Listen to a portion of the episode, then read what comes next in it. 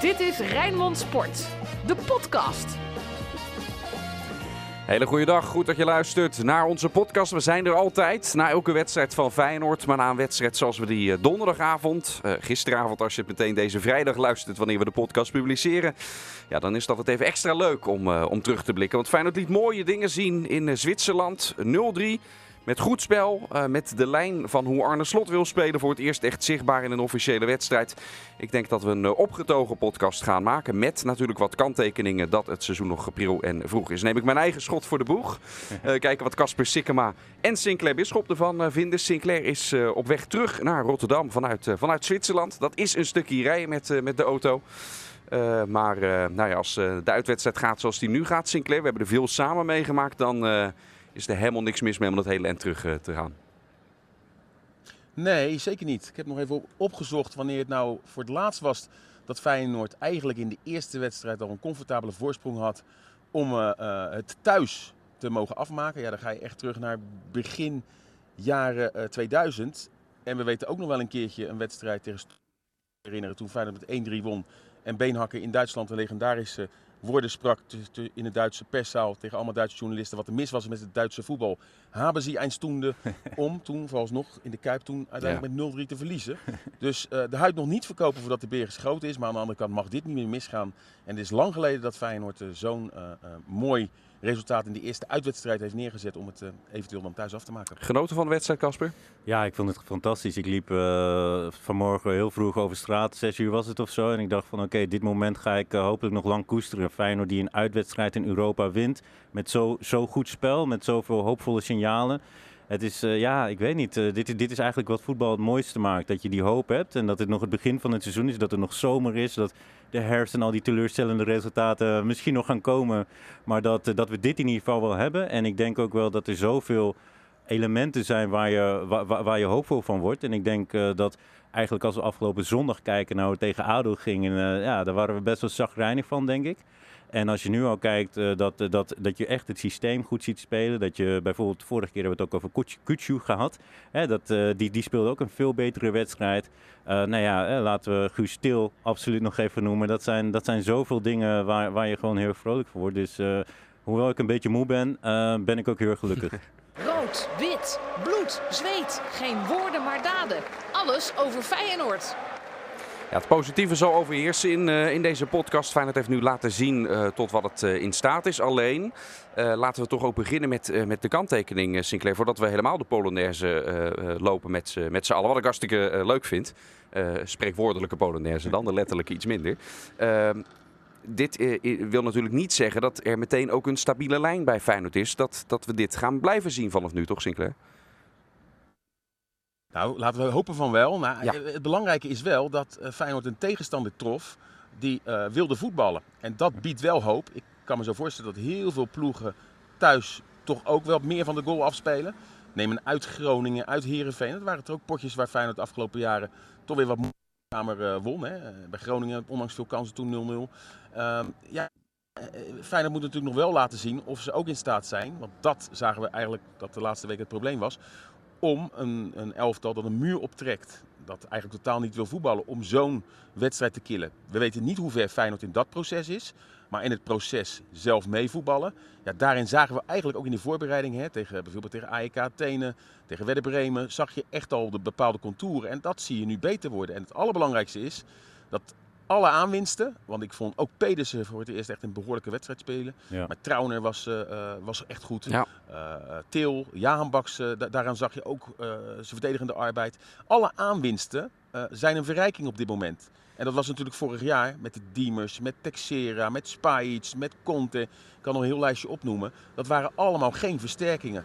En, en, dat is denk ik al tot nu toe de grote winst. Natuurlijk, het is slechts één wedstrijd. Maar je ziet echt wel dat er een team aan het ontstaan is. En dat is denk ik wel hoopvol. Want vorig jaar, Dennis, wij hebben aan de zijlijn gestaan. Binnenkort is dat ook wel die documentaire. Nou, dat was de verbinding met Sinclair. Die ga ik proberen te herstellen. Ja. Wat vind jij? Laat, ja, nou, dat, ik vind dat wel opvallend eigenlijk. Dat, uh, en, en ik denk dat jullie dat beter weten. Maar hoe zit het dan? Is, is dan uh, het scoutingapparaat nu al veel beter? Hè? De, de, daar zijn natuurlijk een aantal wijzigingen geweest. Uh, is dat dan ook de hand van, van nou ja, Arne Slot? Er is een scoutingapparaat nu. Hè? Dat was, vorig jaar was dat natuurlijk nog niet zo. Ja.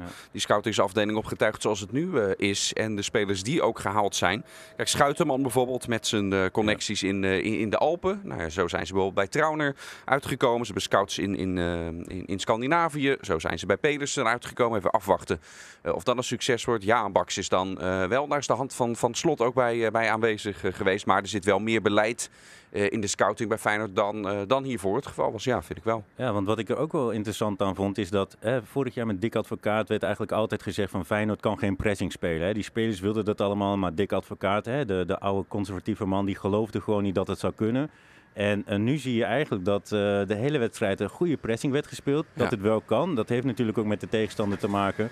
Maar uiteindelijk vind ik, vind ik dat ook zo, zo fijn dat, dat we nu denk ik spelersmateriaal hebben. Maar vooral een filosofie waarbij we wel gewoon eens een stap vooruit gaan maken. Waarbij we wel uiteindelijk uh, in dit soort wedstrijden echt goed, goed aanvallend spelen. Ja. Maar waarschijnlijk ook eh, tegen, uh, tegenstanders die die muur op gaan trekken.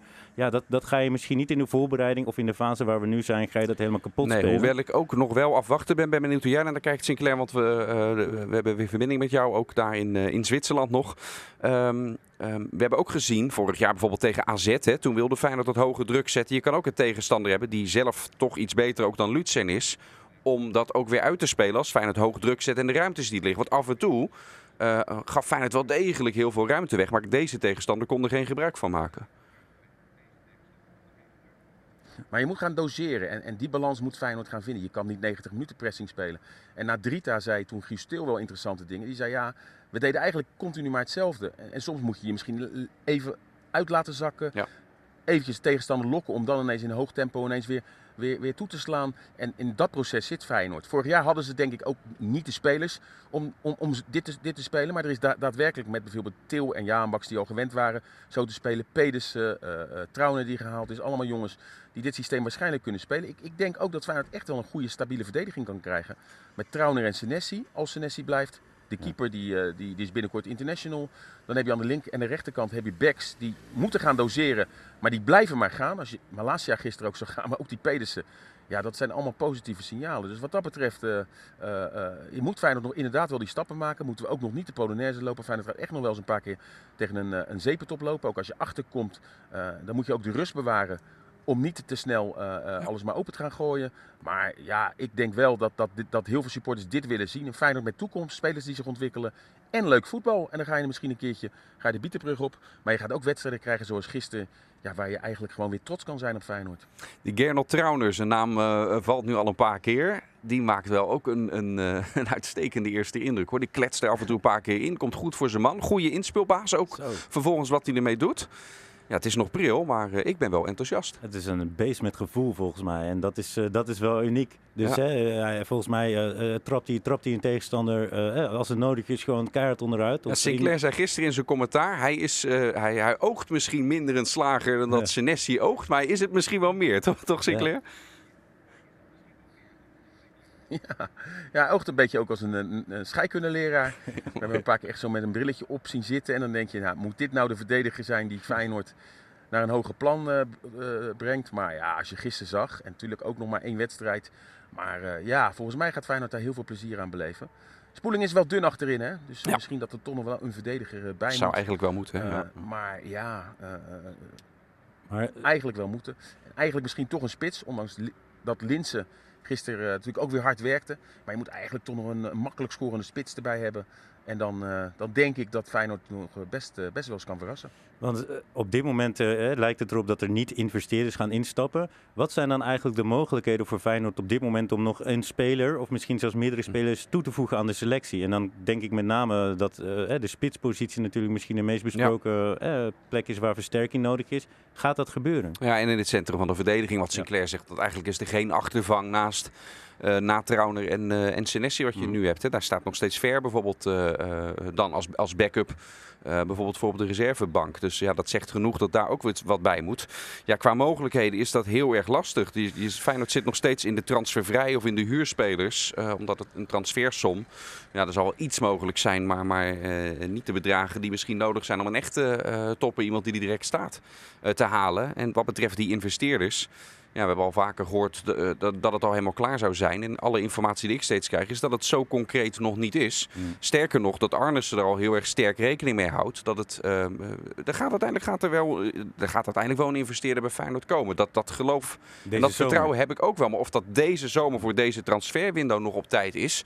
Ja, daar uh, zijn gewoon de twijfels bij. Want het is, uh, het is toch echt complexe materie hoor. Met die aandelen en met een gedeelte van de aandelen wat al weg is richting de vrienden van Feyenoord. En er zijn ook wel oplossingen voor om weer opnieuw aandelen uit te geven zonder dat je hen eerst moet uitkopen. Er zijn constructies voor, uh, maar dat is allemaal ingewikkeld en dat vergt tijd. En uh, ja, die tijd is, is, er niet, want de klok tikt door tot het einde van die transfermarkt. En hoe kijken jullie dan naar... Oh, sorry, Sinclair wilde wat zeggen. Maar die, nou, zo'n resultaat als gisteren helpt wel mee. Hè? Ik bedoel, heel veel mensen zijn natuurlijk ook huiverig geweest uh, voor Feyenoord. En het instappen, uh, hè, ook voor investeerders. Vorig jaar hebben we natuurlijk ook gezien dat heel veel aankopen niet rendeerden en Prato werd gehaald. Nou ja, als, als dit soort resultaten en je ziet nu dat, dat er echt wel toekomst in het elftal gaat zitten, dan gaan investeerders toch ook sneller overstag om toch nog misschien net dat elftal die nodige versterking te geven. Om ervoor te zorgen dat daar echt dadelijk een, een, een team staat wat misschien toch nog goed uh, in, in een uh, nek kan hijgen van, van Ajax en PSV. Maar er moet dan wel een goed scorende spits bij. Dat ziet iedereen. Maar ja, dit helpt wel hè, in het proces. Ik bedoel, als je vorige week tegen Drita was uitgeschakeld, dan word je zoveel, zoveel stappen weer teruggeworpen. Maar dit helpt wel. Ja. En is er eigenlijk ook in de jeugd misschien nog een, nog een verdediger die, die, die Feyenoord langzaam kan gaan brengen dit seizoen als een soort van backup die, die, die het in de wat kleinere wedstrijden kan gaan doen? Ja, Hen Hendricks is natuurlijk een jongen die uh, ja, goed kan verdedigen. Maar ja, we hebben al onder slot gezien dat slot hem ook vaak meer als backup voor Malasia ziet. Hm. Maar ik ben wel gecharmeerd van Hendricks. Wouter Burger wordt natuurlijk ook als centrale verdediger gebruikt. Is het eigenlijk niet. Eigenlijk denk ik uh, dat voor alle partijen beter zou zijn als daar toch nog echt een, een, een, een, goede verdediger bij zou komen. Ja, en er is ook meer mogelijk als er toch nog wat gebeurt. Hè. Gaat Ver misschien toch nog uh, weg. er zijn nog wel een paar spelers die... Ja hè, uh, Diemers, Texera, als die spelers weggaan, is er misschien toch nog wat mogelijk om alles bij elkaar te rapen en van dat geld misschien toch nog die gewenste spits te halen. Wat ik me trouwens nog afvroeg, hè, als je kijkt naar de pressing en als je ook kijkt naar hoe belangrijk het is dat je weet op welk moment je moet stappen. Uh, denk je dat Feyenoord uh, onder slot ook naar slimme spelers zoekt? Hè? Dus ik denk dat je best wel een slimme speler moet zijn om goed te kunnen pressen. Denk je dat dat in zo'n scouting, uh, bij, dat, bij die scouts uh, eigenlijk ook belangrijk is? Als je kijkt naar Guus Stil, dat lijkt me bij uitstek een hele slimme speler. Hè? Dat zie je niet alleen in het veld, maar dat zie je ook in de analyse die jij doet na de wedstrijd. Ja. Is dat iets waar men rekening mee houdt? Nou, ik weet dat ze uh, sowieso qua, qua data, maar ook qua gesprekken die dan met spelers worden gevoerd, dat naar dat soort cognitieve vaardigheden, want daar heb je het over, ja. dat dat bij Feyenoord inderdaad het, wordt meegenomen ook daarin, in, in de scouting, in het halen van, van spelers. En het helpt ook als je spelers hebt. Uh, daarom komen ze bijvoorbeeld bij Jaanbaks, bij Til uh, uit, uh, bij Pedersen. die al um, in, in soortgelijke tactiek bij een club hebben gespeeld. Trouwens hetzelfde natuurlijk hè, met, met Lask. Die, die, die zetten ook hoog druk. dus dat helpt ook al mee als een speler al ervaring heeft met die manier van, van spelen. En mag ik dan nog één vraag stellen? Want mij lijkt het dan zo grappig om dan tijdens zo'n training eigenlijk de, de staf allemaal tips te zien geven. En dan denk ik, wat gaat John de Wolf doen? Gaat hij nog steeds gewoon tegen de jongens schreeuwen dat ze harder moeten lopen? Sinclair. nou ja, John, John, is gewoon John, toch? Ik bedoel, die, die weet precies wat zijn taak is. En uh, ja, uh, volgens mij past uh, op dit moment dat die hele eh, technische staf, dat past echt als een jasje. John de Wolf heeft gewoon zijn taken. En die, ja, vorig jaar was het natuurlijk een heel ander soort opdracht die hij moest meegeven aan zijn mannen. Maar hij is ook heel erg met de verdedigers bezig. Hè. Voor de wedstrijd is hij altijd nog eventjes, gooit hij ballen op en dan uh, zorgt hij dat die verdedigers uh, uh, zich optimaal kunnen voorbereiden voor de start. Nee, ik denk dat het heel belangrijk is om, om juist een, een, een, een staf te hebben met verschillende soorten types erin. Hij is natuurlijk als cultuurbewaker daar. En ja, volgens mij zit John op zijn plekje en is iedereen daar blij ook met John en doet hij goed, goed zijn werk. Mooi. Het is wel mooi om te zien. Ik was uh, op, op, trainingskamp in Oostenrijk bijvoorbeeld. Uh, bij die trainingen, uh, ja, daar is het zo stil voor de rest in de, in de omgeving. Kun je echt alles horen. En ehm, ik, ik, vond het wel mooi om te horen ook hoe specifiek Slot en ook positie bij Vlagen die aan het coachen zijn. Dus op welke manier ze nou uiteindelijk die, die nieuwe manier van spelen erin willen, willen slijpen. En hoe gedetailleerd dat dan bij een positiespel gaat in de coaching als het stilgelegd wordt. En ja, daar bleek wel uit alles uit dat hij, dat hij absoluut weet waar hij, het, waar hij het over heeft en hoe hij het, hoe hij het wil hebben. En was het onder Dick nooit zo? Dat, dat is nou, zo specifiek. Daar moet ik wel eerlijk in zijn. Dat waren, daar waren in die periode ook nog, het is ook de coronaperiode geweest, was echt nagenoeg elke training was, was besloten, ook voor pers. Uh, dus ik heb daar, ik heb te weinig training uiteindelijk, uh, hoe, hoe, triest dat ook is, uh, door de omstandigheden van advocaat kunnen zien om, om, om het zo te horen zoals ik het nu bij deze training heb, okay. heb kunnen doen. Dus ja, het is dan een beetje makkelijk om, om ja. te zeggen dat. Dus ik, ik weet niet wat hij dan voetbalinhoudelijk zei. Oké. Okay. Um, Sinclair, we hebben het over Trauner gehad. Um, uh, we moeten het over het goudhaantje hebben in deze, in deze podcast. Want als hij deze lijn doortrekt, als hij dit Moyenne blijft halen, nou, dan is het, uh, is het de meest geweldige aanwinst die er, die er ooit is gehaald. Als dit soort cijfers blijven gaan. Dat is misschien niet realistisch, maar wat een manier om binnen te komen bij een nieuwe club. Ik heb het over Guus natuurlijk vijf treffers hè, in twee uh, Europa Cup wedstrijden, lang geleden. Hij is topscorer alle tijden hè, in, ja, in de Conference, de Conference League. League. Ja. Maar, in een rijtje met Ronaldo, nee, met, maar... met Klose en met, met Larsson. Want die zijn het in de Champions League, op het WK en in de Europa League. Til staat in een mooi rijtje. Ja, hij... ja nee, geweldig binnenkomen. Hij gaat echt nog wel zijn doepen te maken. En voor hem belangrijk dat hij het voetbalplezier weer heeft teruggevonden. Hè, na toch vervelende jaren in Moskou en bij Freiburg. En ja, als hij zo doorgaat, Donny van der Beek speelt bijvoorbeeld niet bij Manchester United, kan het ook zo zijn dat hij onder Louis van Gaal, die natuurlijk ook gewoon kijkt, dat hij misschien wel heel snel de kans maakt om uh, uh, uh, weer bij Oranje te zitten. Dat is toch ook een van zijn doelen geweest, om weer die stap terug te maken naar de Nederlandse competitie. Dus ja, ik hoop wel dat Feyenoord het, contract, het huurcontract goed heeft dichtgetimmerd. Hm. En niet dat Spartak Moskou straks in de winterstop kan zeggen: hé hey, vriend, kom maar weer eens even terug.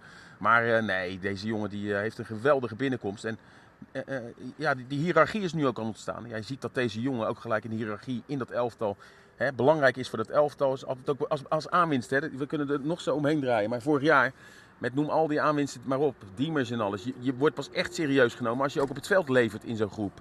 En ja, wat dat betreft, uh, deze speler geweldige binnenkomst. En het kan alleen nog maar beter.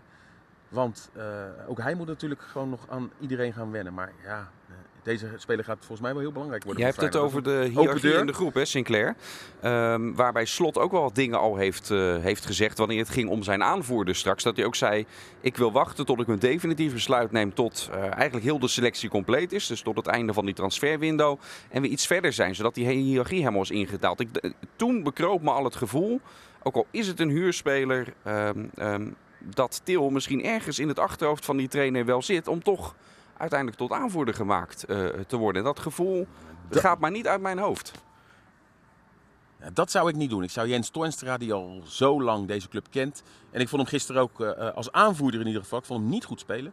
Eerlijk moet je zijn, veel balverlies. Maar ik vond hem wel als aanvoerder uh, ideaal. Echt een, echt een teamspeler waar we vorig jaar eigenlijk zagen dat Berghuis natuurlijk wel qua voetbalkwaliteit een aanvoerder is. Maar in het veld eigenlijk niet. Die liet, sterker nog, die liet zijn team vaak in de steek als het even niet liep. Dan schopte hij naar een AZ-speler of uh, pakte hij een rode kaart in de belangrijke wedstrijden. Maar uh, Toornstra is volgens mij de ideale aanvoerder. En een huurspeler zou ik niet doen. Zeker in het oog naar de, naar de toekomst. Dat je wel gewoon een Feyenoord-speler aanvoerder maakt. Uh, en, en, en, en staat nog net een linietje naar achteren. Ja. Dat je het spel iets meer nog voor je uh, hebt. Maar ja, hij zal misschien wel de uh, tweede aanvoerder worden. Of misschien Justin Bijlo, weet je. Die natuurlijk ook gewoon een belangrijke rol vertolkt. Dadelijk international wordt. Waarom? En natuurlijk de langzittende Feyenoorder na Toornstra. Waarom zou je eigenlijk een huurspeler geen, uh, geen aanvoerder kunnen maken? Uiteindelijk is, een, is eh, als, als je het hebt over hiërarchie, dat is natuurlijk... Ja, maar is volgend, volgend jaar alweer weg, normaal ja? gesproken. Ja? Is dat, is dat heel erg? Ja, je wilt er ook bouwen naar... Ja, nou ja, ik, ik, ik, ik denk dat het het meest ideale is dat je hè, voor de komende, hè, pak hem twee, twee jaar, misschien dat je nu grote stappen zet en volgend jaar wel, uh, uh, doordat je hele mooie ontwikkeling maakt, wel weer echt mee kan gaan doen om de titel. En als je dan weer een andere aanvoerder, dan gaat ook weer die hele hiërarchie op de, op de schop. Dus um, dat is ja, topsport, ik zou dat niet altijd doen. Ja.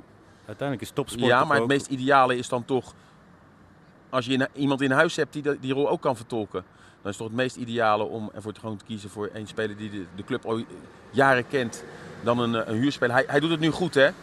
Maar ehm, er komt misschien ook wel een mindere uh, fase van Til terecht.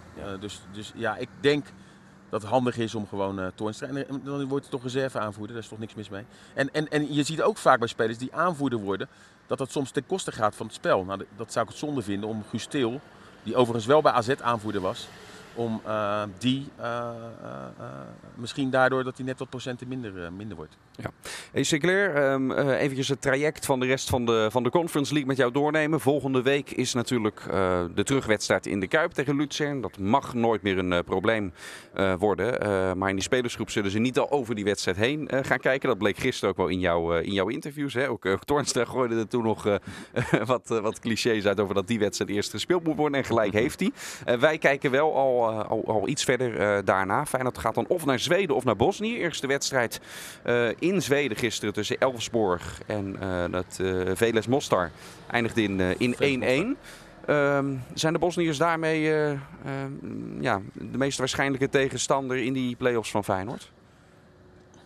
Ja, vind ik moeilijk te zeggen, want ik heb die wedstrijd niet gezien. Ik begreep wel dat uh, het heel snel 0-1 werd voor, het werd 1-0 voor Veles Mostar en bijna direct daarna maakte de Zweden gelijk. Ja, normaal gesproken is zo'n uitdoelpunt dan wel belangrijk. Maar ja, dat, dat, is nu niet het geval. Hè. Dus het is dadelijk gewoon 0-0. En als dat zo blijft, wordt het gewoon verlengen. En mochten die Zweden onverhoopt scoren, dan heeft Bosnië-Herzegovina, oftewel Veles Mostar, heeft het probleem. Ik, ik, ik, wil daar nog niet op speculeren. Dat zit denk ik nog dicht bij elkaar.